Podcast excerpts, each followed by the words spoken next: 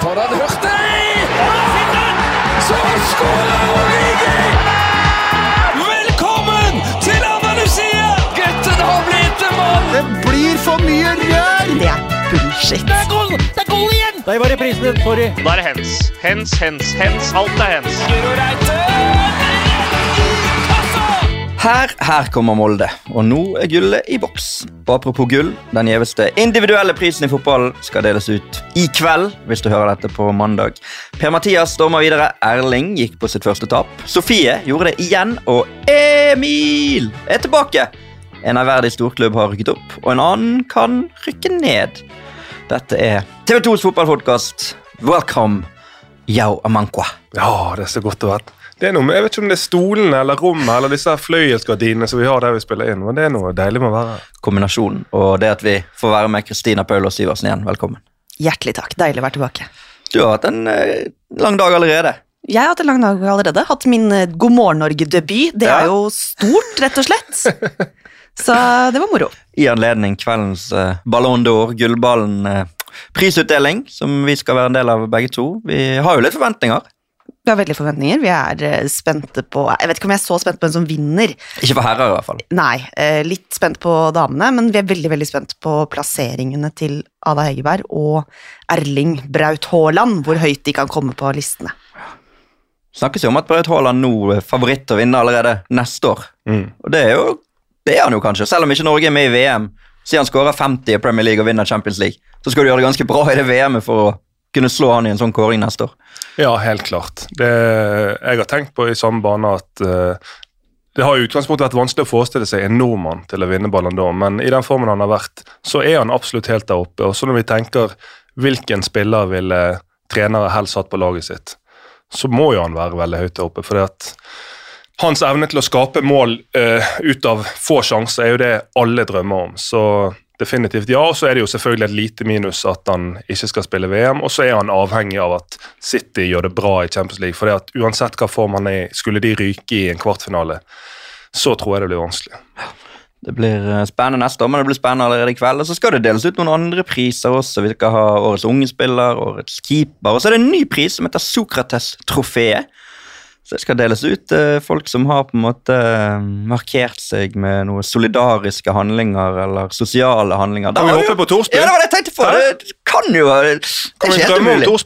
Det er Det bør jo ikke være umulig, det. Nei, det er lov å drømme. Han Så- vant jo en pris nå nylig. Eh, BBC Ja, som var en sånn Årets unge spiller, Green Play Altså Ja. et eller annet sånn Årets unge miljøvennlige spiller, et eller annet i den duren, da. Så det er jo ikke umulig, dette Nei, her. så Kanskje, kanskje. Og så er det jo dessverre det er ikke så mange en fotballspiller med sånn soleklart sosialt eller miljømessig eller hva det skulle være engasjement. Nei. Sånn at det er jo ikke sånn at han kjemper mot uendelig mange. Nei, jeg vil ikke det, men det er klart at kan jo hende det kan gis til noe type Ukraina-krig. Ja da, altså, sånt. vi, vi får se, De fleste som hører dette, hører det sikkert etter denne prisen uansett, så de vet hvem det er, men eh, da har i hvert fall vi spekulert eh, på det på forhånd, så kan vi ta det derfra. Um, men vi skal sette i gang med helgen som har vært, snakke litt om den. Begynner eh, i Eliteserien igjen, tenker jeg, som vi pleier. Kan begynne på lørdagen. Tromsø slår jo Odd 3-2. Tromsø har jo vært veldig bra i det siste. Vi fikk et innspill her fra fotballmeninger eh, på Twitter med Tromsø sin hjemmeform må vel hylles. Kun ett tap hjemme siden bytte av dekke. Samt burde de vel hylles for måten de har klart å snu fra å tape poeng på overtid til å vinne på overtid. Og når man ser på eliteserietabellen nå, så er jo Tromsø faktisk nummer seks på tabellen. De er liksom best of the rest. Utrolig sterkt. Helt utrolig sterkt. Altså nå, Det kommer vi tilbake til senere, men uh, Erling Moe fortjener å vinne årets trener. Det, det tror jeg, det må det være liten, liten tvil om. Men bak der så syns jeg Gaute Helstrup har gjort en fantastisk jobb. Og så var det jo lenge, det er kanskje lett å glemme nå, men det var jo lenge litt sånn situasjon i Tromsø. Hm, Gaute Helstrup, er han god nok? Skal vi gi en ny kontrakt? Der han liksom måtte vente og vente på den nye kontrakten, og så fikk han den. Og det, viser seg nå at han er helt riktig mann for Tromsø. For det at, ja, de er oppe nå på tabellen og har hatt en veldig god form, men der de tidligere kan bli anklaget for å ha spilt en litt naiv fotball og sånn, så nå klarer de både å spille, spesielt hjemme på Alfheim, da, det skal sies. Mm. Ja, det er vel seks av de siste syv. Ja. Kun tapt mot Molde, og de taper ja. alle mot. Sp- sp- Spilt en fantastisk fotball, utviklende fotball, som òg gir resultater. Og Det er jo den drømmebalansen mellom utvikling og resultater. Sånn at det for et Tromsø-lag som kan eh, ligge godt plassert på eliteserietabellen og samtidig utvikle spillere i et rasende tempo, det, det er veldig veldig gøy å følge med på. Absolutt. Um, et annet lag som har vært enorme hjemme, fortsatte den statistikken på lørdag. Rosenborg Strømsgodset 3-0. Så de uh, er helt med der. Ett poeng bak Bodø-Glimt fremdeles i kampen om, om sølvet, som det nå da, til og med matematisk kun handler om. Uh, og Vi har jo snakket om den hjemmeformen før. Det er jo imponerende. da. Altså, Utrolig det, imponerende. Utrolig. Det, blir, det er liksom klisjé fort. Fort Lerkendal. Men det er et fort nå. Det er, de er så gode hjemme, og de, de, får kampene inn i sitt spor gang på gang. og Det skal Kjetil Rekdal ha stor kreditt på. For eh, det systemet deres som var vanskelig å tolke tidligere i sesongen. Det er ikke perfekt ennå, men du ser at spillerne ser ut til å trives bedre og bedre, spesielt på Lerkendal. Mm. Også dagen før, på fredag, så var jeg på nyhetskanalen med vår kollega Oda. Og så spurte om jeg eh, disse lagene og Rosenborg, hva må de gjøre for å, for å ha en god avslutning på sesongen? Og så tror jeg jeg kom med, den enkleste, mest basale analysen jeg har gitt i år så langt. Gi ballen til Kasper Tengstedt. Mm. Jeg sa det litt på tøys, men det viser jo seg gang på gang at det er et bra, bra trekk av Rosenborg. For den formen han er i òg, er jo helt, helt sinnssyk. mål og målgivende har han vel nå i helgen. Det der eh, Sæter-Tengstedt-greiene. det, det har eh, virkelig materialisert seg der. Og så er det jo sånn at neste helg skal Rosenborg til Molde. Eh, vi vet jo at eh, sånne ting skrives det om, og det skal stås æresvakt. Molde har vunnet serien. Rosenborg trenger jo poeng for å holde følge inn der. Hva tenker du om en sånn kamp? Det er noen ny sånn søndag klokken syv som inn på TV2 Play og must see-kamp, selv om det er mye annet og man har lyst til å se på TV i helgene, så den må man få med seg. Ah, Hva, hva, altså, Hvordan føler man det når man går inn i en sånn type kamp? eh, Ja, Det kommer jo an på hvilket lag man er på. Og nå så er det mye diskusjon om den æresvakten. Mm.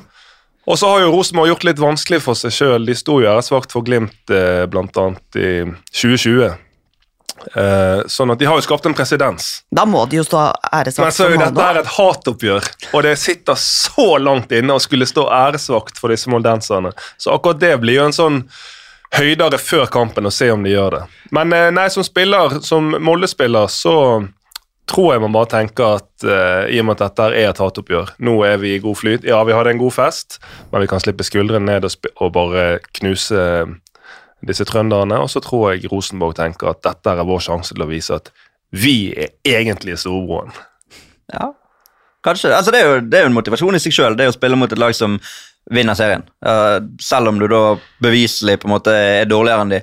I en enkelt kamp så kan man jo vinne hver gang. og vi kan, ta, vi kan jo gå inn på Molde med en gang, da, som vinner serien da fire runder før slutt. Avgjør det i helgen. eh, leder med 15 poeng på Bodø-Glimt. Vinner 1-0 borte mot Lillestrøm. Det er jo ikke som at de måtte vinne den. sant? Altså De hadde hatt mange matchballer igjen å, å gjøre det på, men bare det at de, de klarer å Ja, de hadde vel vunnet serien med uavgjort òg, men, Mm. men at de klarer å vinne den på slutten, det er jo det, det, Den kampen var egentlig viktigst for Lillestrøm, kanskje, da, sånn med tanke på å henge med inn der. Ja, definitivt. Det har jo bare blitt sånn tynnere og tynnere, den marginen som Molde hadde, har Ja. trengt for å, å vinne serien, og nå gjorde de det endelig. Egentlig litt deilig å, å legge den død. Eh, og så bare for å runde av det Molde-poenget, så Som sagt, mange har sagt at de kanskje har fått litt lite kreditt, men for en sesong de har hatt. Altså, nå var det 13. seier på rad. De, er alle, de vant cupen i vår. Og Conference League i Europa de ligger foran bl.a. Gent. De er med syv poeng der, har fått en pangstart der òg. Og, og de har hatt veldig mye skader. Sånn at det er enormt imponerende, og så blir det på en måte rammet inn og understreket med to streker under svaret med Magnus Wolff Eikrem. Hans prestasjoner, hva han betyr for den klubben, hva han betyr for den treningskulturen. Og når vi da ser det i lys av hva han har eh, stått i privat over lang, lang tid, så er det et velfortjent. Velfortjent og mektig imponerende, og det betyr at det er plassene bak det handler om nå, de fire avsluttende rundene, og det er per nå eh, Lillestrøm med det tapet. Nummer fire 47 poeng. Rosenborg nummer tre 50 poeng. Bodø-Glimt nummer to 51 poeng. Og det Bodø-Glimt gjorde i helgen, det var jo i hvert fall et markering av standpunkt. Å reise til Intility og vinne som å vinne et første sett i tennis mot en dårlig motstander med 6-0. Ja, altså, men til tross for at de er ti mann utpå der, så skal det jo ikke være mulig å falle sammen og smuldre opp så mye som det Vålerenga-laget gjorde der. Altså, At du taper en kamp mot en bedre motstander med en mann mindre, er fair enough, men gud bedre Mm. Men ja, det, det er jo en egen evne, det der å, å bare male på, da. Og skåre seks mål og knuse en motstander på den måten her. Så det er imponerende av Glimt, som eh, åpenbart har lyst til å kapre den andreplassen. Men da Magnus Sjøeng utvist etter et kvarter, var det før et kvarter spill, Ja. kanskje. Keeper ut. Det, det å få keeperen utvist, da må du liksom ta ut en utespiller i tillegg. Det ødelegger jo alt av forberedelser og Eller det, Ja, men det som er litt uh, morsomt sett utenfra, og sikkert ufattelig ekstra bittert for Fagermo og Vålerenga, er jo at de kommer ut til kampen, ligger, parkerer bussen, ligger ekstremt lavt, tar imot, tar imot, men overbefolker eh, i egen boks, sånn at det er ikke sånn at eh, Glimt finner kanskje de aller største åpningene. Og så når du parkerer bussen, men så blir du tatt i bakrom på en overgang likevel. Kjempebakrom der. En, altså, årets mest grusomme offside-felle. Jeg tror det er Hedenstad som eh, prøver på å sette den, og så er det Sjøeng som ja, blir satt i en veldig vanskelig situasjon, blir utvist, og da, derfra ut er det, er det kjørt. Fordi at Når du har hatt inngang til kampen at du skal parkere bussen, være ekstremt gjerrig, ligge lavt, og når du får en utvisning, kom, kommer under kort tid etterpå det, og så er ti mann, så er det liksom sånn Da er det jo kjørt. Da er det kjørt, i hvert fall mot et så godt lag som Bodø-Glimt, som, som velger å tråkke pedalen helt inn. To nye mål av uh, Amal Pellegrino. Han er oppe i ett mål i snitt nå. 23 mål, 23 kamper står han med. Føler liksom, Man har ikke snakket så mye om han i år, føler jeg. Eller kanskje man har det. Eller sånn, kanskje det bare var det der høsten i fjor og Europa og alt i tillegg, men, men, men den prestasjonen hans er jo enorm i år også. Ja, det som jeg syns er litt artig med han, er at han eh, Han ehm, Han er altså, Og dette mener jeg i ordets beste forstand, men han er på en måte en snylter som, som er ekstremt god til å utnytte eh, de andre spillerne, det de spiller seg fram til, de andre spillernes styrker, og han jobber ikke nødvendigvis like hardt defensivt, så han ligger og jukser litt. Men eh, og så kan han i perioder se ut som altså Du sitter og tenker Spiller de med ti mann her? Altså han, han er jo ikke på. Men så i de situasjonene eh, der han blir satt opp i de riktige posisjonene, så er han best i Norge når han da kommer inn fra sin eh, venstre side med, med den høyrefoten han har. Så det er litt artig å se på en, en eh, spiller som er såpass rollespesialist i laget. Absolutt, og spennende å se um, om Bodø-Glimt kan holde helt inn. De har jo Europa, eh, som de De kan jo gå videre fra gruppen, men de kan i hvert fall bli nummer tre og komme seg inn i et Conference League-sluttspill der. Så det blir spennende uker fremover der. Eh, de andre kampene som gikk på, på søndag, Viking tapte igjen 0-1 for Sarpsborg. Sarpsborg er faktisk nå forbi Viking. Det har det gitt en del i odds for eh, noen måneder siden. Og det Sarpsborg-greiene har vi jo snakket om, at det, de to minuttene borte på Hamar var det? Ja, det, var, det var i Sarpsborg, men det var mot ja, stemmer. Det var i Sarpsborg, ja. Der, der snudde alt. Og de eh, inn til safe plass. Kan til og med bli eh, topp seks. Ja, det er de og Tromsø og, og Odd som ligger på de plassene der nå.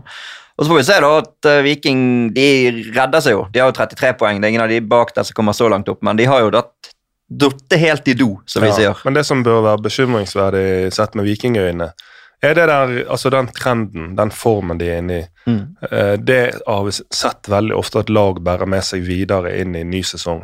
Hvis de bare fortsetter nå å, å falle lenger og lenger ned i dass på tampen av sesongen, så er det en veldig veldig stor jobb de har foran seg for å ikke få komme feil skjevt ut av startblokkene til neste sesong òg.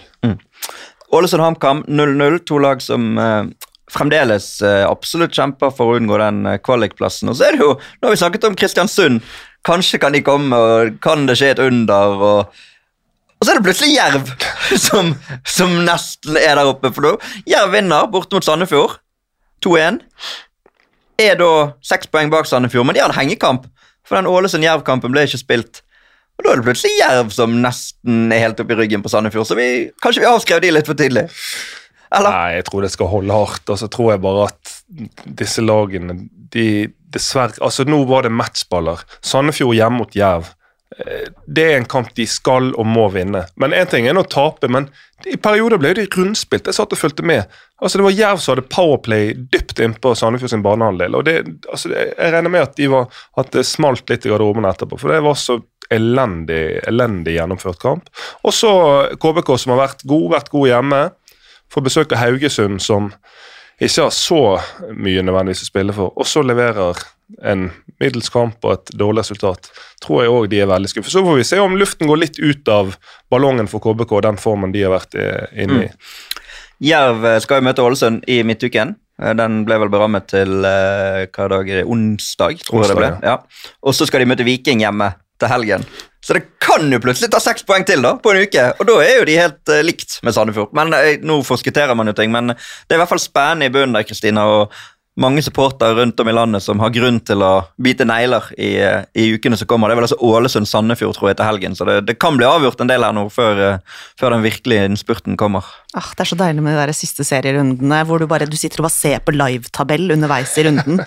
altså, Var det for et par år siden eller noe sånt, hvor det der nedrykksgreiene inneholdt seks lag, og alt endra seg hvert femte minutt? Den der tabellen bare rullerte, liksom. Det er det jeg skal glede meg til nå. Ja, det var litt, litt, gøy i går. eh, Fikk vi bilder på Melgalvis i HamKam. Som rett etter kampslutt så kommer det en eh, i, i teamet da til han med en telefon. TV2-appen så vi Ja, ja. på stillbildet at han hadde oppe, og så sjekket eh, resultater og tabellen. Så det, så det er jo veldig sånn at egentlig skal jo man s- ha fokus på seg sjøl, men det blir jo til at du hele tiden følger med. på Ja, i hvert fall noen, og det, det er jo det helt direkte avgjørende for ens egne vurderinger i kamper. altså Er det godt nok med ett poeng, eller må vi gå for tre? sant? altså Alt det der, du kan ikke bare Sånn at jeg tipper at Ålesund HamKam i går, når de så hvordan det gikk med de lagene under og bak, så kan det hende at de tenkte ja, ja, da tar vi ett poeng. Kan godt. uh, et annet spørsmål vi har fått. Benjamin Sayers, Sayers, Sayers kanskje? Hvem synes dere har vært Eliteseriens beste dommer i år? Det er vanskelig for deg å vurdere, ja, og, eh, når Ja, ikke du spiller sjøl lenger. Skal jeg si noe som jeg ikke tror jeg har sagt så langt i år? Der har ikke jeg noe klar mening.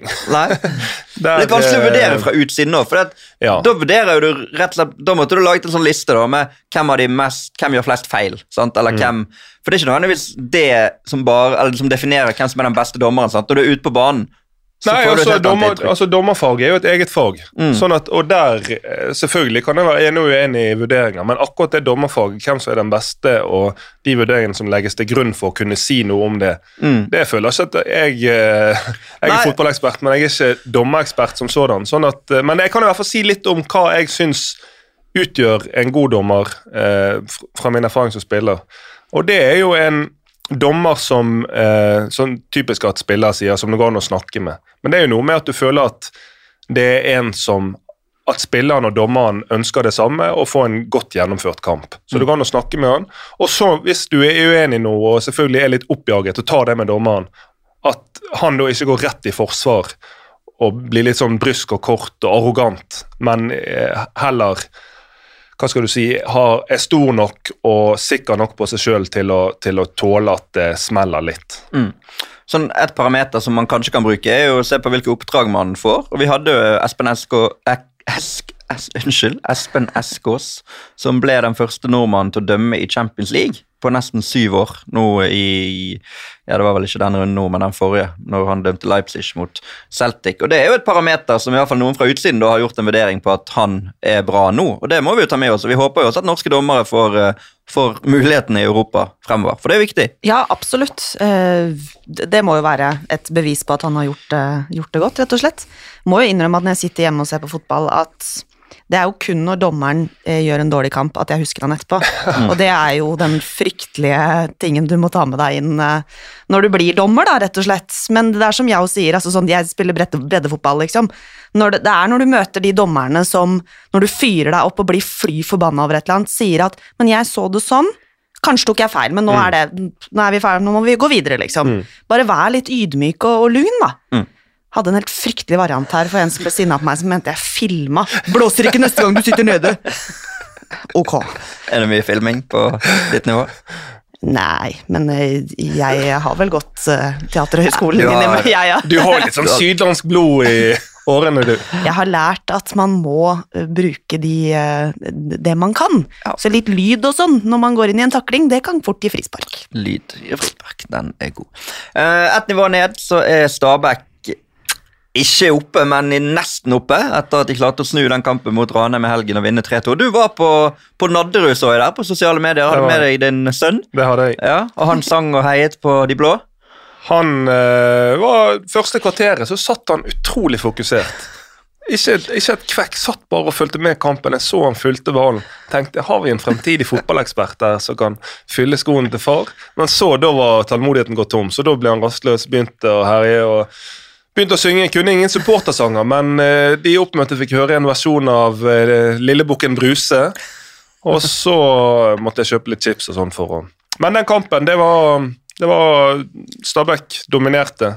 Og så, sykt nok, så på et tidspunkt ligger det under 2-1, men eh, kommer slår tilbake igjen 2-2, og så skårer på overtid med Normann Hansen der, og da er vel det opprykket ganske Begynner å bli ganske Da har de i hvert fall sannsynlig, i hvert fall. seks poeng ned til start, og så er det da KFUM som spiller i kveld borte mot Raufoss. Hvis de vinner, så har de fem poeng ned til KFUM, og det er to kamper igjen. Mm. Så skal Stabæk til Sandnes og møte Sandnes Ulf nå, som må ha poeng eller for få den playoffen. Så det kan godt hende de taper den, men så har de Mjøndalen hjemme i siste, så de, de bør i hvert fall kunne klare å Ja, og så tror ikke jeg folk skjønner hvor viktig et eventuelt opprykk er for Stabæk. De har budsjettert med å rykke rett opp, Mm. og de Jeg lurer på om det er snakk om noe sånn som 40 millioner i skrell eh, hvis de ikke klarer det. Sånn at om de ikke konker eh, med å få bli en sesong til i Obos, så må de i hvert fall nedbemanne og kutte ned noe voldsomt. Mens hvis de klarer opprykket eh, med nye TV-penger og den biten, så tror jeg de kan klare å klore seg fast eh, i Eliteserien. Apropos eh, konk og nedrykk. Lyn er tilbake. Etter, altså Ikke helt der oppe ennå, men i hvert fall tilbake på ett nivå under. Vant bort mot Nordstrand, var det 4-0 det ble i den avgjørende kampen, tror jeg faktisk. Så der var det jubelscener. Og de, de hører jo hjemme. De skal ikke være nedover i divisjonene, de. Eh, som den giganten de er og har vært i Oslo-fotballen. Oslo-fotballen må jo få mer ut av seg sjøl enn en bare Vålerenga, altså i, i Stor-Oslo. Så det er jo veldig viktig egentlig for eh, norsk fotball, vil jeg si, da, at de begynner å melde seg litt på igjen. De er i hvert fall oppe i uh, andre divisjon, altså på nivå tre. Det er vel uh, høyeste de har vært siden uh, Så vidt jeg kan huske. Jeg tror ikke de har vært der oppe, helt der oppe siden de Nei, de har vel ikke Nei. det. Nei, De har vel bare klatret Det var der det har stoppet, sant? På tre, nivå fire. Og så jeg tror det. Ja, så de skal være der. Oppe, ja. Ja, et, enda et hakk opp. Ja, ja, ja, de må fortsette Kanskje ikke allerede denne- neste år, det er kanskje vanskelig å kreve, men i hvert fall at de skal, de skal opp gjennom divisjonene. I toppserien Kristina, så er jo det disse to eh, sluttspillene både oppe og nede, som vi forholder oss til eh, fra sidelinjen. Vålerenga dro til Trondheim og vant bort mot Rosenborg, som er viktig, ikke minst med tanke på Europacup. Kanskje aller mest. Det er en sølv- og en bronsemedalje. Tror jeg kanskje ikke spillerne vektlegger så mye når det likevel ikke blir gull. Men eh, for det er jo sånn at Brann nå ser ut til å vinne serien. De vant sjøl 3-0 mot Stabæk. Mens Rosenborg og Vålerenga kjemper om å bli nummer to. For det er to lag som skal til Champions League-kvalik. Ja, det stemmer. Og det er jo noe Vålerenga satser knallhardt på. Vi hadde jo en sak her før helgen at eh, de trener jo fast med guttelag nå. Med gutter 19, rekruttlaget i, eh, i Vålerenga, for å på en måte få kjenne på det som kreves når du kommer internasjonalt med fart og, og fysikk, da. Eh, Så ekstremt viktig den seieren mot, eh, mot Rosenborg, og da har de jo på mange måter på en måte tatt grepet om Mm. den andreplassen. Begge to skal vel møte Brann er Rosenborg eh, har jo da 16 poeng, Vålerenga 11 og Rosenborg 8. To kamper igjen å spille. Brann reiser til Trondheim nå eh, til helgen, og Vålerenga møter Stabæk hjemme, så Gitt at Brann tar de poengene de skal, så har Vålerenga kontroll, men skulle nå Rosenborg slå Brann og Brann slår Vålerenga, så er de jo likt igjen, da, hvis Ja. eh, alle tar seg av Stabæk. Men eh, uten å forskuttere verken at Brann vinner serien eller noe, men for at Brann ikke skal vinne serien nå, så må Vålerenga ha hjelp av enten Rosenborg eller da Nei, de må ha hjelp av Rosenborg. Ja. At eh, de, Hvis Rosenborg slår Brann, og Vålerenga slår eh, Stabæk, så er det spenning Ja. i siste kamp. For da er det sånn at Hvis Vålerenga slår Brann, så vinner de serien. Og det går jo an å håpe på at det blir en ren gullduell der. Og så er det på nederste del av sluttspillet så er det noen storklubber som har forvillet seg inn i skikkelig trøbbel, bl.a. LSK Kvinner, som nå riktignok uh, klarte å vinne den veldig viktige kampen bort mot Avaldsnes i går med 2-0. Men Kolbotn, som hadde vært i det øverste sluttspillet dersom de ikke hadde tapt en kamp på walkover, Altså, Så enkelt er det jo. De kunne jo tapt, De kunne tapt den kampen, men ja. sannsynlighet for at de hadde tapt den kampen er liten, gitt at det laget de skulle møtt, Avaldsnes, knapt vant en eneste fotballkamp. Så sannsynligvis kunne Kolbotn fått tre poeng til. Da ville de vært på øverste sluttspill. I stedet havna de på nederste sluttspill. Poengene ble nullet ut, og nå står de med to poeng etter fem kamper og kan rykke ned til nivået under.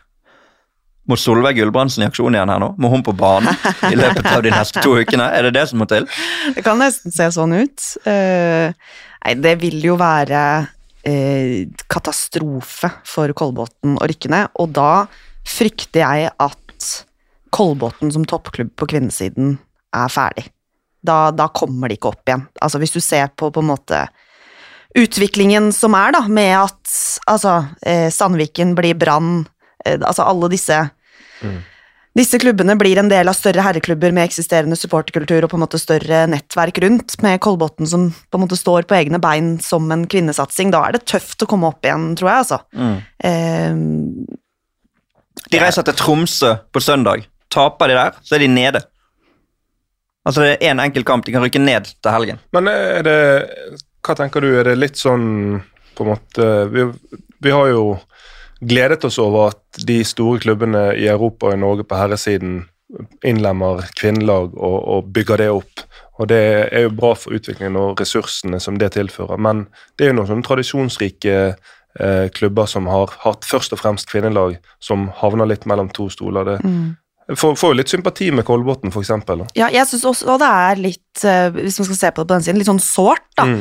At klubber som Kolbotn, Røa ikke minst, som var i mange, mange år en toppklubb, eh, en, en klubb som vant serie og, og cup år etter år, på en måte, at de klubbene sakker akkurat da, og, Mm. og på en måte Altså, nå kommer jo Røa seg opp igjen etter at de var nede eh, et år, men det blir vel tyngre og tyngre når det begynner med sluttspill og, og den eh, type ting, da.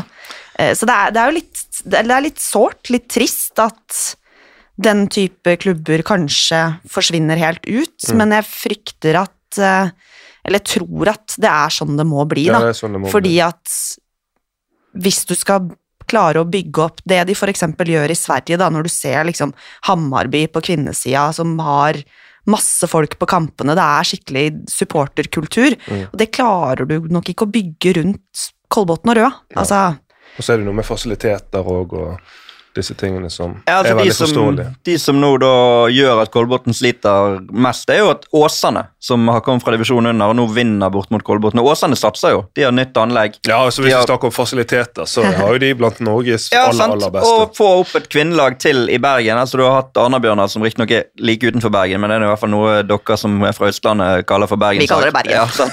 Eh, men eh, at Åsane på sikt eh, har vel så gode forutsetninger for å være nummer to-klubb i bergensregionen som Arna-Bjørnar, er det nok ingen tvil om. For det, som skjer der ute, både på anleggssiden og i økonomisk og alt, og kanskje også er det naturlig å ha en Ja, og bydel klubb der, og så- ja. innbyggermengde, rett og slett. Nedslagsfelt. Så det var helt naturlig at de som kunne seile opp. ja. Åsane er oppe på ti poeng nå i det nedrykkssluttspillet, så de har gjort det over all forventning. De kom fra nivået under og, og ser ut til å kunne klare seg greit der, så det blir veldig spennende hvem som, som detter ned der. Per nå, to kamper igjen. Kolbotn har to poeng. Tromsø eller TIL 2020 har tre poeng. Avaldsnes har fire poeng. Røa og LSK Kvinner har syv poeng hver. Så der gjelder det å følge med fremover. Kristina. Men siden sist vi hadde podkast, har det vært en landskamp til òg. Vi tapte først for Brasil, den var vi innom forrige mandag. Men så dro de til Nederland, og det var jo litt sånn der, ok, hvordan skal dette gå? Eh, 0-7 i fjor, 0-8 for England. Tap for Brasil i den første sånn, eh, hva de kaller det for sånn referansekampen. Og så, i Den Haag, 2-0 til Norge. Det var, det, var, det var litt sånn sjokkerende å på en måte bare sitte hjemme og, og observere hvor bra det faktisk kunne være. Ja, eh, Du var jo der. Jeg var jo der, eh, og som disse jentene sa i, i mix, altså landslagsspillerne sa i mixzone etterpå, at det er jo ikke nødvendigvis det at de vinner den kampen som er så gledelig, men det er det at de, de presterer så godt og viser akkurat det de har jobba med siden Hege Riise tok over, da. Eh, At nå starter vi med at vi skal bygge et defensivt, solid fundament som gjør at vi kan være konkurransedyktige mot nasjoner som på papiret og kanskje spiller for spiller er bedre enn oss. Og det viser de mot Nederland. Eh, den kampen kunne vippa begge veier. Nederland hadde noen store sjanser. Aurora Michaelsen var sinnssykt god eh, i mål. Hun glapp én gang, og da sto Maren Mjelde på streken og redda, liksom. Så det var godt teamwork baki der. Men, de, men de ligger stramt, de ligger lavt. eh, De gjør det dritvanskelig for eh, eh, for Nederland, og glemte Wilton til et øyeblikk. Eh, og så tar de sjansen når han byr seg, liksom. Vilde Bø Risa blir henta inn i denne troppen pga. skade, har jo vært vraka egentlig de to, til de to første troppene til Eger Riise. Er knallgod på midten her, jobber og sliter og er så Vilde Bø Risa som hun kan være. Hun er den som setter i gang det frisparket kjapt, slår ned til Julie Blakstad. Julie Blakstad kan slå gode innlegg, det har vi sett før. Og Sofie Roman Haug har jo bare vært en liksom, eh, som eh, Ada Hegerberg-vikar. Det kan nok fort hende at hun på et vis er nødt til å bli Ada Hegerberg-kompanjong er på topp for så bra? Hun er råsterk. Altså en av de beste hodespillerne eh, i kvinnefotballen, rett og slett. Altså, hun er topp klasse i Europa hva gjelder hodespillet hennes og, og timingen og bevegelsene. Og sinnssykt god feilvendt. Der Norge sleit mot Brasil med at de ikke klarte å få brukt Celine Bisset Ildusøy i bakrom, så de slo opp på henne, og hun fikk juling av to brasilianske midtstoppere. Der var Sofie Roman Haug i sitt ess. da. Hun holdt på ballen sånn at Norge fikk flytta ut og flytta etter, og da fikk man også flytta spillet høyere i banen og klarte å skape en del sjanser, da. Eh, nei, det var imponerende. Eh, vi var nesten litt sånn alarmslått der vi satt, fordi vi må innrømme at når vi satt eh, Jeg satt og pratet med da Karl Erik Torp blant annet eh, inne på presserommet før kamp, som kommenterte kampen for, for NRK, og jeg skal ikke på en måte utlevere hva vi tippa, men vi hadde litt sånn resultattips, eh, og vi tippa nok ikke 2-0-seier til Norge. Men også synes jeg det er veldig gledelig å høre sånn som for eksempel eh, Ville Burisa kjemper og er veldig god på midten der. Og det vet vi at hun kan være på sitt beste, men sånn som med Sjøgren i EM der, når det er en midtbane toer og det er enorme rom å dekke, og, så blir hun spilt veldig dårlig. Og, og du sier jo Judy Blakstad med hennes innlegg, vi vet at hun har fantastisk innlegg, vi vet når hun kommer en driv fremover i banen. Men nå jo, blir hun spilt altså, hva skal du si, brukt på en måte som spiller på hennes styrke, og ikke på de, disse spillerne sine svakheter. Og det eh, syns jeg bare er veldig oppløftende å se, enn at nesten skal gi det sjøl sånn handikap med å gi spillere roller de overhodet ikke kler. Nytt, eh, ny setup, ny drakt, ny optimisme og VM-trekning er vel allerede til helgen. Ja. Uh, det har jo mye å si hvem man får i en sånn trekning, selvfølgelig. Vi så litt på, på pottene her. Norge er jo da i pott nummer to, altså i praksis andre sidet. Og så er det sånn at både New Zealand og Australia som eh, arrangerer turneringen, er jo førstesidet, sånn som det er i dette mesterskapene. Så det, man kan få New Zealand som er nummer 22 på Fifa-rankingen, eller man kan få USA som er nummer én, eller Sverige. Så det en drømmepulje for Norge vil jo kanskje være New Zealand og så da de dårligste lagene fra de andre pottene, så du kan i teorien ende opp med New Zealand, Jamaica og Zambia for eksempel, i en gruppe. Eller du kan få USA, Danmark og Nigeria. Altså Det er ganske stor forskjell da, eh, for hva man kan forvente av Norge inn i et VM, avhengig av hvordan gruppene blir. Men eh, at de skal kunne bite fra seg et VM, det må vi jo ha lov til å tro på. Det må vi ha lov til å tro på, og det er en, det er en god start eh, nå. Eh, de har fortsatt en del å, å jobbe med, som eh, alle spillerne og Hege Riise er ganske tydelige på, fordi vi, vi starter med det defensive, og så må vi få jobba med å ha litt offensivt eh, spill også. Mot gode, eller bedre, gode nasjoner. Gud, Gode. jeg fikk ikke sekser i norsk på videregående, det hørte du ikke nå. Uh, nei da, så dette er en god start, og det er fortsatt en god stund til, uh, til VM. Mm. Selv om det er få samlinger. Det er vel tre samlinger til da før eh, VM. November, februar, april, tror jeg. Og så pre-camp, da. I juni-juli. Kort tid i landslagsfotball. Celine Biseth skåret forresten, så eller det var, det var et skudd som gikk via en forsvarsspiller inn, men Tottenham sin Twitter-konto la ut bilde av hun Céline Goal. De slo Liverpool 1-0 i helgen. Det er jeg, så det, jeg så det målet, det var, det var ikke hun. Det var mål er mål. Ja da, det er sant. Mål er mål. Gratulerer til Céline Biseth Hildesøy med matchvinnerskåring der. Vi hopper til um, Spania, vi. Og det har vært El Clásico. Et av de store høydepunktene i kalenderen. Eller ja, det er jo et av de to, en av de to man merker seg ut eh, når man får eh, La Liga-kalenderen. Viktor Hallnes eh, skriver til oss et par ord om El Clásico. Carlo utmanøvrerer Xavi. Enig i det? Jeg må innrømme at jeg ikke fikk sett eh, kampen, Nei. dessverre. Eh, jeg har vært eh, opptatt i helgen. Hvis ikke så hadde jeg forhåpentligvis vært i Madrid Ja. og dekket den, men jeg fulgte den litt som man gjorde i gamle dager, på tekst-TV. Twitter, som det heter i dag. Eh, og det, det var jo sånn det virket, at eh, jeg tolket det vel litt som at Xavi kanskje gikk litt i sånn eh, Guardiola-modus med å overtenke. Eh, han har jo lært av mannen, og så skjønte jeg at eh, Federico Valverde fortsetter på sin elleville gjennombruddstour. At nå er det bare å kaste seg på hypetoget rundt eh, han, at han har vært fantastisk god. Og Karim Benzema avslutter søndagen med å. Og så setter han seg på et fly til Paris og gjør seg klar for å hente gullball i kveld. Det må vi jo tro. Men, Ja, ja. Nå, nå skal vi sende den, og skal jo egentlig vår, Vi er jo programforpliktet til å bygge opp spenningen, Ja. men eh, han kommer til å vinne den gullballen. Det kan det ikke være noe tvil om. Og den Champions League-sesongen spesielt han hadde i fjor, det er noe av det mest altså Legendariske er et ord som blir brukt og misbrukt mye, men det er noe av det mest legendariske i fotballhistorien. Og i Champions League, at en spiller er så avgjørende så mange ganger på så avgjørende tidspunkter, gang på gang på gang, mot den type motstander, det Altså, hadde, hadde, altså Det er som Boeing-blad for de som leste Boeing i gamle dager. Det er liksom egentlig litt for dumt, det er litt for Hollywood, men det skjedde, og gratulerer til han med gullballen.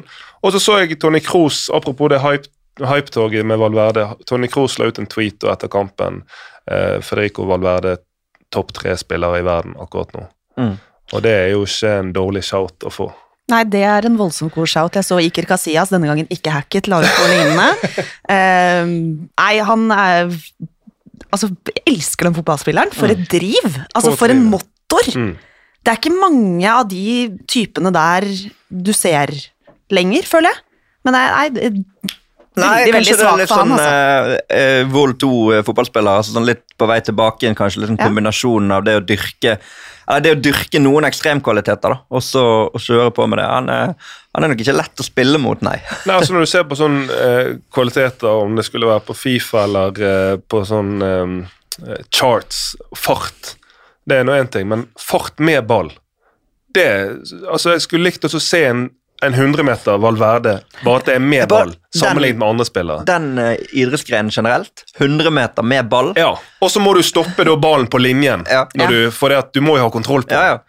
Men der tror ja, han, eh, etter, men eh, Der tror jeg at han er helt, helt der oppe. For det, og det er jo det vi kaller for driv. Men farten er ball vanvittig når han setter av gårde.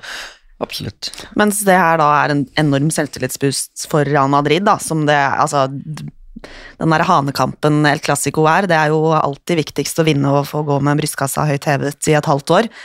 Men for Barcelona, eh, som For en møkkauke. for en møkkauke, eller for en møkkaperiode, Mm. eh, som tidligere i uka ryker Eller de taper jo ikke, men de, de er jo på vei ut Ja, av Champions League med den mye til, det. 3-3-kampen mot, uh, mot Inter, og så får den smellen her. Eh, det er, Ja, og det egentlig er etter nå, at det har vært altså. noen gryende optimisme, og de har vært likt med Real Madrid i serien, og de har hentet, kunnet hente spillere igjen, og riktignok mm. risikert mye, men, men nå var jo I fjor de slo jo Real Madrid i El Clásico, var det 4-0 det ble? I den ene kampen på, på Ja. våren der, selv om Real Madrid var mye bedre enn de. Så i en enkel kamp kan man jo matche de, men, men nå er det jo på en måte denne kampen skulle jo vise at nå var de reelt sett klar for å vippe de litt av tronen igjen, og så får de da Det blir jo 3-1, men altså det er 2-0, og så blir det 2-1, og så får de 3-1 på straffe på slutten. Men det er jo en litt sånn knockout på de, på på en måte første head-to-head-varianten siden den liksom reelle, nye Barcelona er kommet tilbake. da. Ja, ja, ja. Eh, det er ikke godt for selvtilliten til noen eh, der, altså. Altså, jeg så deler av kampen, og det som jeg tror kanskje er mest skuffende for Barcelona, er at Real Madrid ja, de vinner 3-1, og de gjør det uten å være på sitt, egentlig på sitt aller beste. De gjør det gjennom å være solid, sånn som de stort sett alltid er. eh, Og eh, bare gjennomfører en god kamp, men ingen fantastisk kamp. Og likevel så slår de altså Barcelona 3-1.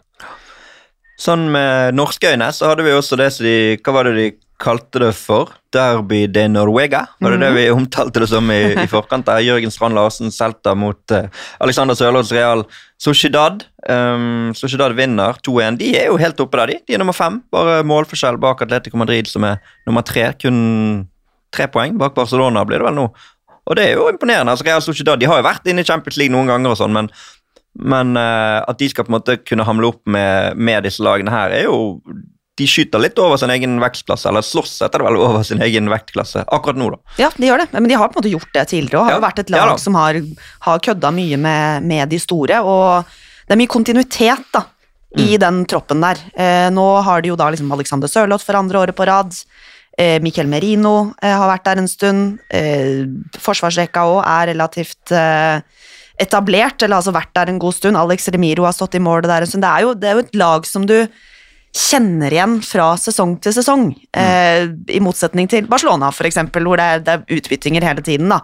Og, og Alexander Sørloth er ganske høyt verdsatt der eh, nå. Jeg så, det var en tweet fra en eller annen basker, eh, om det var journalist eller hva det var for noe i stad, at de to månedene han har spilt for Real Sociedad nå, at han virkelig liksom har sementert den plassen sin i laget da.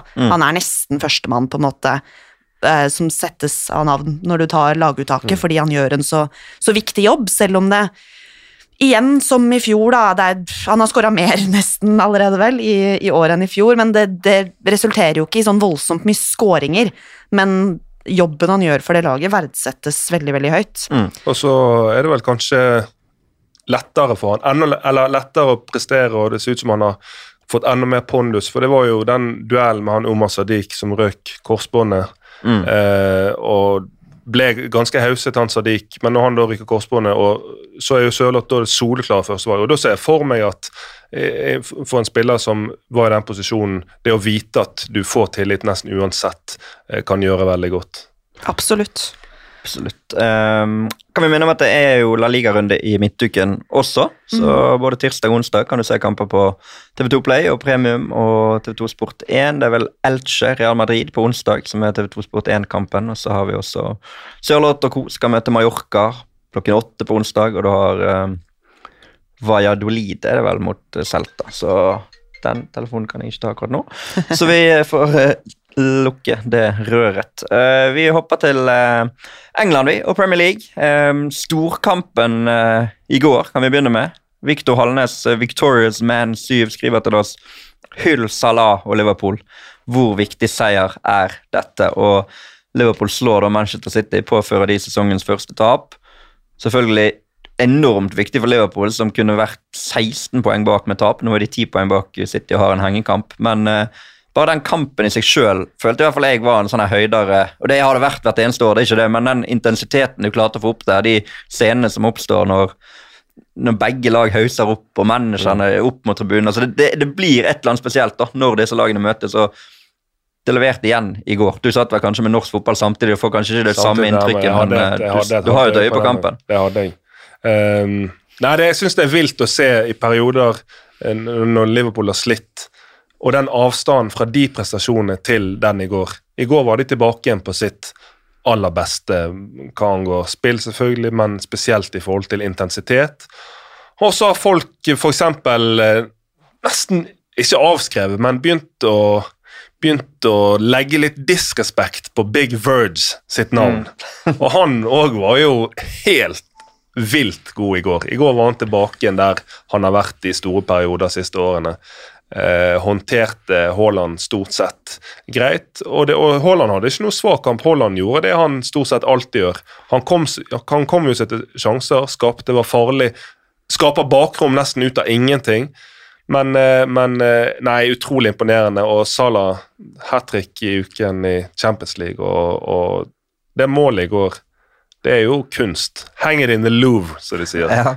Alison der på haltliggende vrist. Ja, det er dårlig av Joao Cancelo, da. Det er det. Den det er, vurderingen det. ja, han det er dårlig vurdering, men det er jo sitt. Altså, de beste lagene de er jo veldig sånn offensive og Ja tar risiko. Og så er det veldig smart av Salah måten han bruker kroppen på. Det er den vendingen, for kroppen mellom. Men vending Du har ganske mye kroppskontakt med en topptrent Premier League-spiller. Nedtak, medtak, gjennom, spurt. Perfekt avslutning. Nei, det er Ja da, Det var sånn uh, Sala høsten 2021 da alt bare fløt for han. Det var på en måte på det nivået i går. da, det synes jeg det var, Men den kampen i seg sjøl var, var sterk. og så er det klart at City kunne fått vunnet den kampen. altså Det var Ja, ikke sånn ja, at det- Liverpool, men, men jeg føler likevel det er noe fortjent over at de klarer å, å dra det inn der, Liverpool, for de har noen store sjanser. og sånn, men, men de får jo en annullering der, City, for eksempel, og hvis de får ledelsen 1-0, så kan de fort vinne kampen de i stedet, men eh, de viser i hvert fall at de er på nivå, da, Liverpool, og at eh, City ikke er uslåelige, som noen kanskje hadde trodd. Ja, men eh, de får le, men det, det var jo en dobbel, om ikke trippel. Ja, det var, det var helt så- riktig at det skulle være frispark, men altså, de kunne fort City kunne fått vunnet kampen hvis de hadde Ja, og for for de som er uenig i det frisparket, det ble jo litt debatt. Jeg mener jo at eh, dommerteamet kunne gjort livet enklere for seg selv om de heller hadde tatt den ti fingre på ball, Haaland sparker den ut av grepet på Alison. Jeg tror det blir enda mer debatt da, for det, det, det tror jeg faktisk allmennheten vil mene er en mer diskutabel Jeg er situasjon nok enn den. opp med ti fingre på ball, det er Ja, men keeper. er, sånn holder han den helt, eller hva? Ja, han holder den ja, helt. kanskje. Ja, kanskje. Men det, vi trodde jo at det var den de skulle ut og se på, Ja. når de gikk ut. Så Ja, da, trodde man jo det. eh, Nei, uansett, selvfølgelig på et så høyt nivå i en kamp med den type kvalitet, så kan det jo bikke begge veier, men ufattelig gledelig for Liverpool-folket å se at de fortsatt har det nivået inne. Og Det betyr at eh, City nå har en eh, luke opp til Arsenal, som har fire poengs forsprang. Vinner igjen borte mot Leeds. Riktignok ikke like imponerende som Arsenal har vært. Leeds kunne fort fått med seg poeng i den eh, kampen, men Martin Ødegaard målgivende pasning igjen, denne gang til Bukayo Saka. Strømbrudd. 40 minutter tror jeg det tok før det der dommerteamet hadde fått på plass igjen uh, teknikken sin. Da mener jeg, altså, For det var ikke kontakt med VAR-bussen eller med Stockley Park eller med intern kommunikasjon, eller, men de aller fleste dommere rundt om i verden dømmer jo uten eh, teknologi. Da, da burde det heller, det burde sette en grense for Ok, Hvis det tar mer enn 20 minutter å fikse, da får de heller spille noen minutter uten at de kan snakke sammen. For det, Og så måtte du sitte 40 minutter som Ja, ja. tilskuer og vente på at Og, for, og som spiller, ikke minst, på at dommerne sin samband eller hva det var, ikke fungerer. Det, det føles for dumt. Da blir dommerne for viktig, syns jeg. Helt enig. helt enig. Det bør være en sånn Uten at dette skal bli sånn nei, vi liker Nei, da, men, nei, da, men det bør være en sånn fem-ti minutters grense på at nei, men da spiller vi. De har klart å, de har nok klart å spille fotballkamper uten den elektronikken og teknologien i hundrevis av år. sånn at Ja, Det ja. synes jeg var i drøyeste laget. Men uh, en viktig og sterk seier for Arsenal, som har fire poeng ned til, til City, og til Tottenham, som vi har sagt før. De har ikke imponert enormt i år, men de har like mange poeng som Manchester City etter ti kamper. Og Harry Kane ligger an til å sette ny rekord for egen del med antall skåringer. 2-0 mot Everton denne gangen. Manchester United Newcastle 0-0. Der har vi også fått et spørsmål om det har jo man vært innom før. Kristina, du vet ikke om du kanskje ikke så kampen, men et par ord om Newcastles bortedrakter. Skulle tro det var Saudi-Arabia som spilte treningskamp på Old Trafford, og dette har jo vært tatt opp tidligere år. Den eh, ja, sportsvaskingsbegrepet har jo blitt brukt, men når man da tar det så langt at man, man bruker fargene til landet og draktene inn i, i klubben, så det, jo det, det rettes jo noen betimelige spørsmål da, mot ting som skjer og har skjedd her. Ja, jeg vet ikke om de skal på en måte ha for at de prøver ikke å skjule det engang. Altså, dette er liksom bare Dette er Saudi Arabia Promotions. Mm. Nei, det er jo Jeg vet da fader, jeg, altså. Det er jo helt Jeg savner, litt, eh, jeg savner litt eh, i dette bildet her at de den fit and proper-komiteen, såkalt, Mm. Premier League, at disse folkene som sitter der, kommer litt mer ut i det åpne. Jeg, altså, jeg syns de skylder oss et svar. Hva er det de holder på med? Hvor, hvor går grensen? Hvor er det de setter foten ned? Nei, Nei, nå, nå blir sannsynligvis går han jo ingen steder. Er det sånn at eh, altså kan olje, norske oljefondet da, kan de kjøpe opp en Premier League-klubb, kalle stadion for, eh, for uh, Ullevål, om de så har lyst til det. Gi hjemme borte tredjedrakter, ligner på Norge sine drakter. Hvor, går grensen? Jeg vil tro at Norge Vi har jo ikke noe kjempestore svin på skogen. Nei, så men ok, Saudi-Arabia, da. Nå, nå har de en drakt som er helt lik om sin kan- egen landslag. Er det sånn at hvem som helst, hva som helst, hvor som helst, uansett hva de står for, uansett hva de representerer, hvor går grensen for hva de kan gjøre med en Premier League-klubb? det var det som var det paradoksale. Akkurat da de kom inn der, så ble jo Roman Abramovic og Russland på en måte kastet ut. sant? Og det mener jeg også var riktig å gjøre med de bindingene som har vært der, at det var fornuftig at ikke han nødvendigvis skulle få lov til å styre Chelsea lenger med sine bindinger og det som har vært der. Men når det skjedde samtidig som Saudi-Arabia fikk lov å komme inn og kjøpe Newcastle, så det er klart at det er noe som ikke henger på, på greip her. Men sant, Kim i Jorden, eller hva, I, hvem er det som lever der borte nå? Nord-Korea. Kunne de gjort det samme? Ja, Kunne de gjort det samme? Det er sånne spørsmål som, som jeg begynner å mistenke at ja, det kunne de fint gjort. For Ja. den der såkalte fit and proper-komiteen, om man er korrupt, om man er Om de bare, om de bare sover på jobben. Hva det, hva det går i, det vet jeg ikke. Men det, det, jeg bare lurer på hvor går grensen, og hvem er disse folkene som eh, beslutter hvem som skal få lov å eie Premier League-klubber? Det må vi kanskje dypdykke litt mer i. Eh, hvis dere vil vite mer om denne Newcastle-situasjonen og det oppkjøpet der, så var Mina gjest her eh, rundt eh, den tiden det oppkjøpet ble bekreftet, og snakket veldig bra om tematikken, så det kan anbefales å spole tilbake noen måneder på timelinen for denne podkasten. Eh, kan også ta med fra Premier League at Chelsea under Graham Potter eh, har eh, tatt ni av ni mulige poeng i Premier League og er fire poeng bak Tottenham og City igjen med en hengekamp, så de er også helt oppe i ryggen der. Også i England skal det være midtukerunde, så det er mye som skjer på fotballfronten fremover. Nevnte Emil i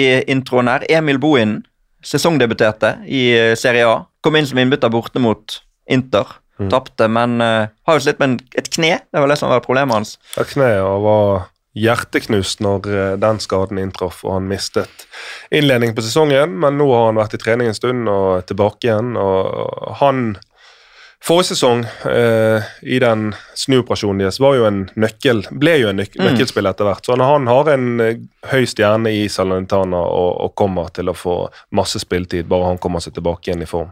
Det gjør han. Og eh, Napoli topper eh, fremdeles i Serie A. Klarte å slå Bologna 3-2. Leder med to poeng foran Atalanta, tre ned til Milan og fem til Lazio Udinese. Og så er det litt lenger ned til Roma. José Mourinhos Roma er nummer seks. Mens Juventus det er altså ti poeng allerede fra Napoli og til Juventus på Serie A-tabellen. Selv om Juventus klarte å vinne Torino-derbyet med 1-0-seier borte der, så eh, har ikke de kommet godt nok i gang. Og de er også en klubb som kanskje kan dette ut av Champions League allerede i gruppespillet. Og Allegri sitter ikke nødvendigvis trygt der, om så skulle være. Nei, det ser jo helt fryktelig ut. Eh, Nå har jeg ikke tabellen foran meg her akkurat nå, men eh, særlig Champions League har jo bare vært et mørkt kapittel for Juventus denne sesongen. Jeg har en kompis som eh, er Juventus-supporter, og han jubla den ene helga det var kampfri for Juventus, for da slapp han å være, være nedfor.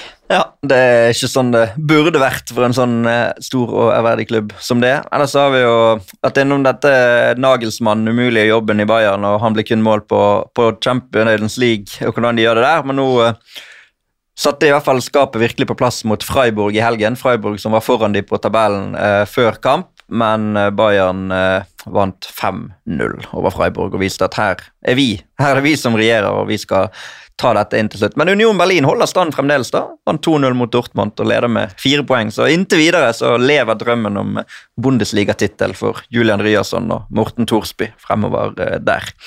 Så var vi også innom eh, Høgmo og Hekken. Jeg tenker Vi må, vi må bare innom Høgmo nå hver helg fremover, for nå eh, Høgmo-watch. ja, vi må det, for det, det spisser seg til. Og de klarte å slå GIF Sundsvall, bunnlaget. Even Hovland med det viktige 2-1-målet for Hekken. Olden Larsen hadde målgivende på 1-0, mener jeg. De vant til slutt 4-1. Samtidig så Djurgården tapte hjemme for AIK. Så det betyr at nå har Hammarby eh, sneket seg opp forbi Djurgården og er Hekkens nærmeste motstander. Fem poeng bak eh, er Hammarby med fire kamper igjen. Inntil neste podkast skal Hekken møte både AIK borte og Malmö hjemme. Så når vi sitter her om en uke, så vet vi mer om drømmen om allsvenskan-gullet lever. Det tror jeg var det, altså. Vi hadde i dag.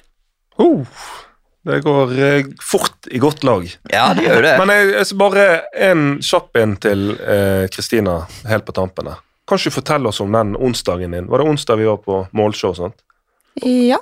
Bare en kjapp, For det, det er noe av det sykeste sånn belastningsdagen jeg har hørt om mitt liv. Jeg var bare på målshow. Dagen før, så i den Champions League-runden dagen før, var jeg på målshow med Espen Veen. Da tror jeg det var 14 mål totalt. Så etter den sendingen så tenkte jeg ja, dette var jo, greit, dette, dette var jo greit. Uh, vi fikk jo tid til å mellom målene og komme til hektene igjen. Og så kommer vi på dagen etterpå 36 mål, og det smalt i alle bauger og. Og bare der var jo en total overbelastning for hodet. Men så du hadde jo vært gående siden nå.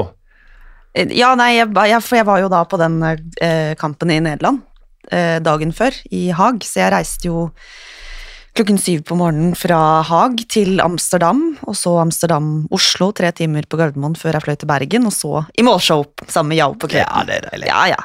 Sånn at når, for de som da ser på TV og tror at det er en dans på roser, Det er det ikke alltid. Noen ganger innebærer det tre, både tre og fire timer på Gardermoen. Det, det må vi tåle. Vi er privilegerte i jobbene våre. så det, det tåler vi. Nå har vi fått, fått et innspill her. Ja, nei, det var bare det, det, Husker det spørsmålet hvem var Eliteseriens beste dommer i år? Det fikk vi jo på Twitter her tidligere. Så bare så det var kommet en ny melding på et varsel der. Eh, Da var det en som heter Nina Kirkhus Sur Surik, som svarer eventuelt minst dårlige dommer. Det var hun sin sånn det, er det kommer jo an på hvilken klubb Hvilken Ja klubbtilhørighet den du spør. Spør du en Molde-supporter, vil han si én. Spør du en Rosenborg, eller Det er liksom de største blemmene som henger igjen i hodene på folk. Så den diskusjonen, det vepsebolet stikker ikke jeg min hånd i. Det får vi ta når vi må, og vi må ikke nå. Men uh, kjekt å ha dere med igjen. Vi holder jo dialogen utover dagen, Kristina. Vi skal rett i gullballmodus vi nå. Det skal vi. Gleder oss. Vi gleder oss, og så gleder vi oss til neste uke, ja. Da er vi tilbake Yes, herfra. Da er vi tilbake igjen. Jeg gleder meg allerede. jeg. Ja, du har lyst til å bli sittende i stolen her, du nå. Bare, det er så myke Ja. og fine stoler. Jeg uh, kunne blitt sittende og lene meg litt bakover og så ta meg en halvtime. Gjør det. Og så må vi takke til moderne medier som eh, produserer og gjør at vi har mulighet til å spille inn dette. Og til dere som hører på, kom gjerne med tilbakemeldinger i iTunes eller andre steder dere lytter til oss, og gi ros til Yao fordi at han er en så kjekk og fin eh, mann. Og til Kristina for at hun kan så vanvittig mye om alt. Så dette har vært kjekt. Takk for at dere hørte på. Ha det bra! Så skåler Origi!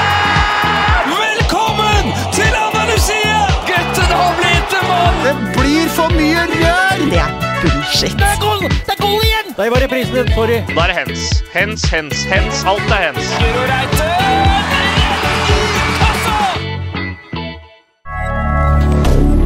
Moderne media.